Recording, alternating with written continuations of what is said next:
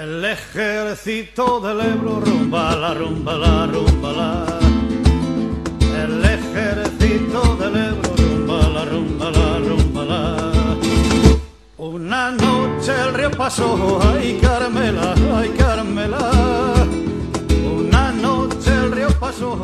Santiago Carrillo que vivió con intensidad y trascendencia aquel periodo histórico el que fuera secretario general del Partido Comunista de España y consejero de orden público durante la guerra en Madrid, nos revelaba poco antes de fallecer, en septiembre de 2012, que se llegó a barajar incluso la idea de una dictadura republicana. Fernando de los Ríos, que siempre fue un humanista y un socialista moderado, eh, explica en una conversación con Azaña que él está pensando en quizá en la necesidad de una dictadura republicana.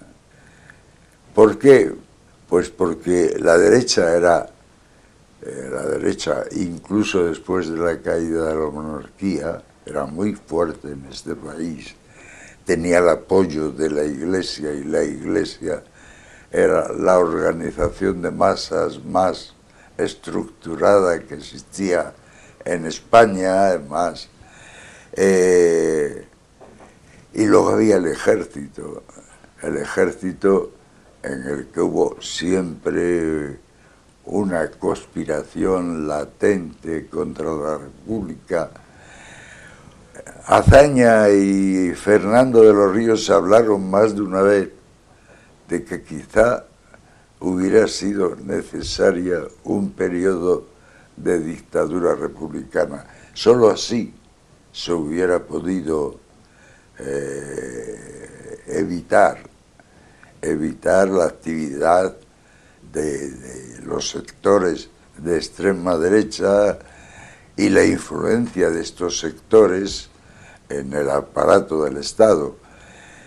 Pero en, la, eh, en aquel momento la idea de una dictadura era opuesta a toda la mentalidad que teníamos los republicanos. Y además, una dictadura, si no se apoya sobre el ejército, sobre los cuerpos de policía, pues no hay manera de mantenerla.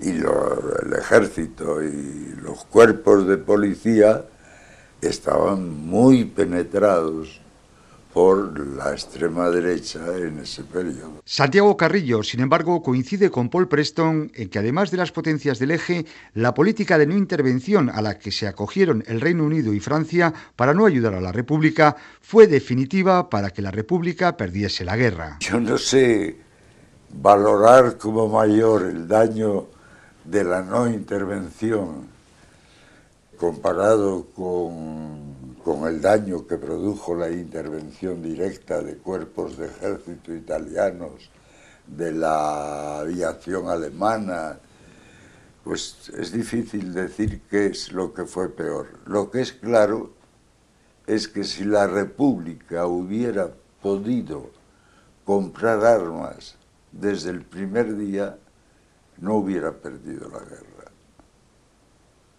Si Inglaterra Francia, Estados Unidos hubieran permitido el comercio de armas con la República, la República hubiera ganado la guerra.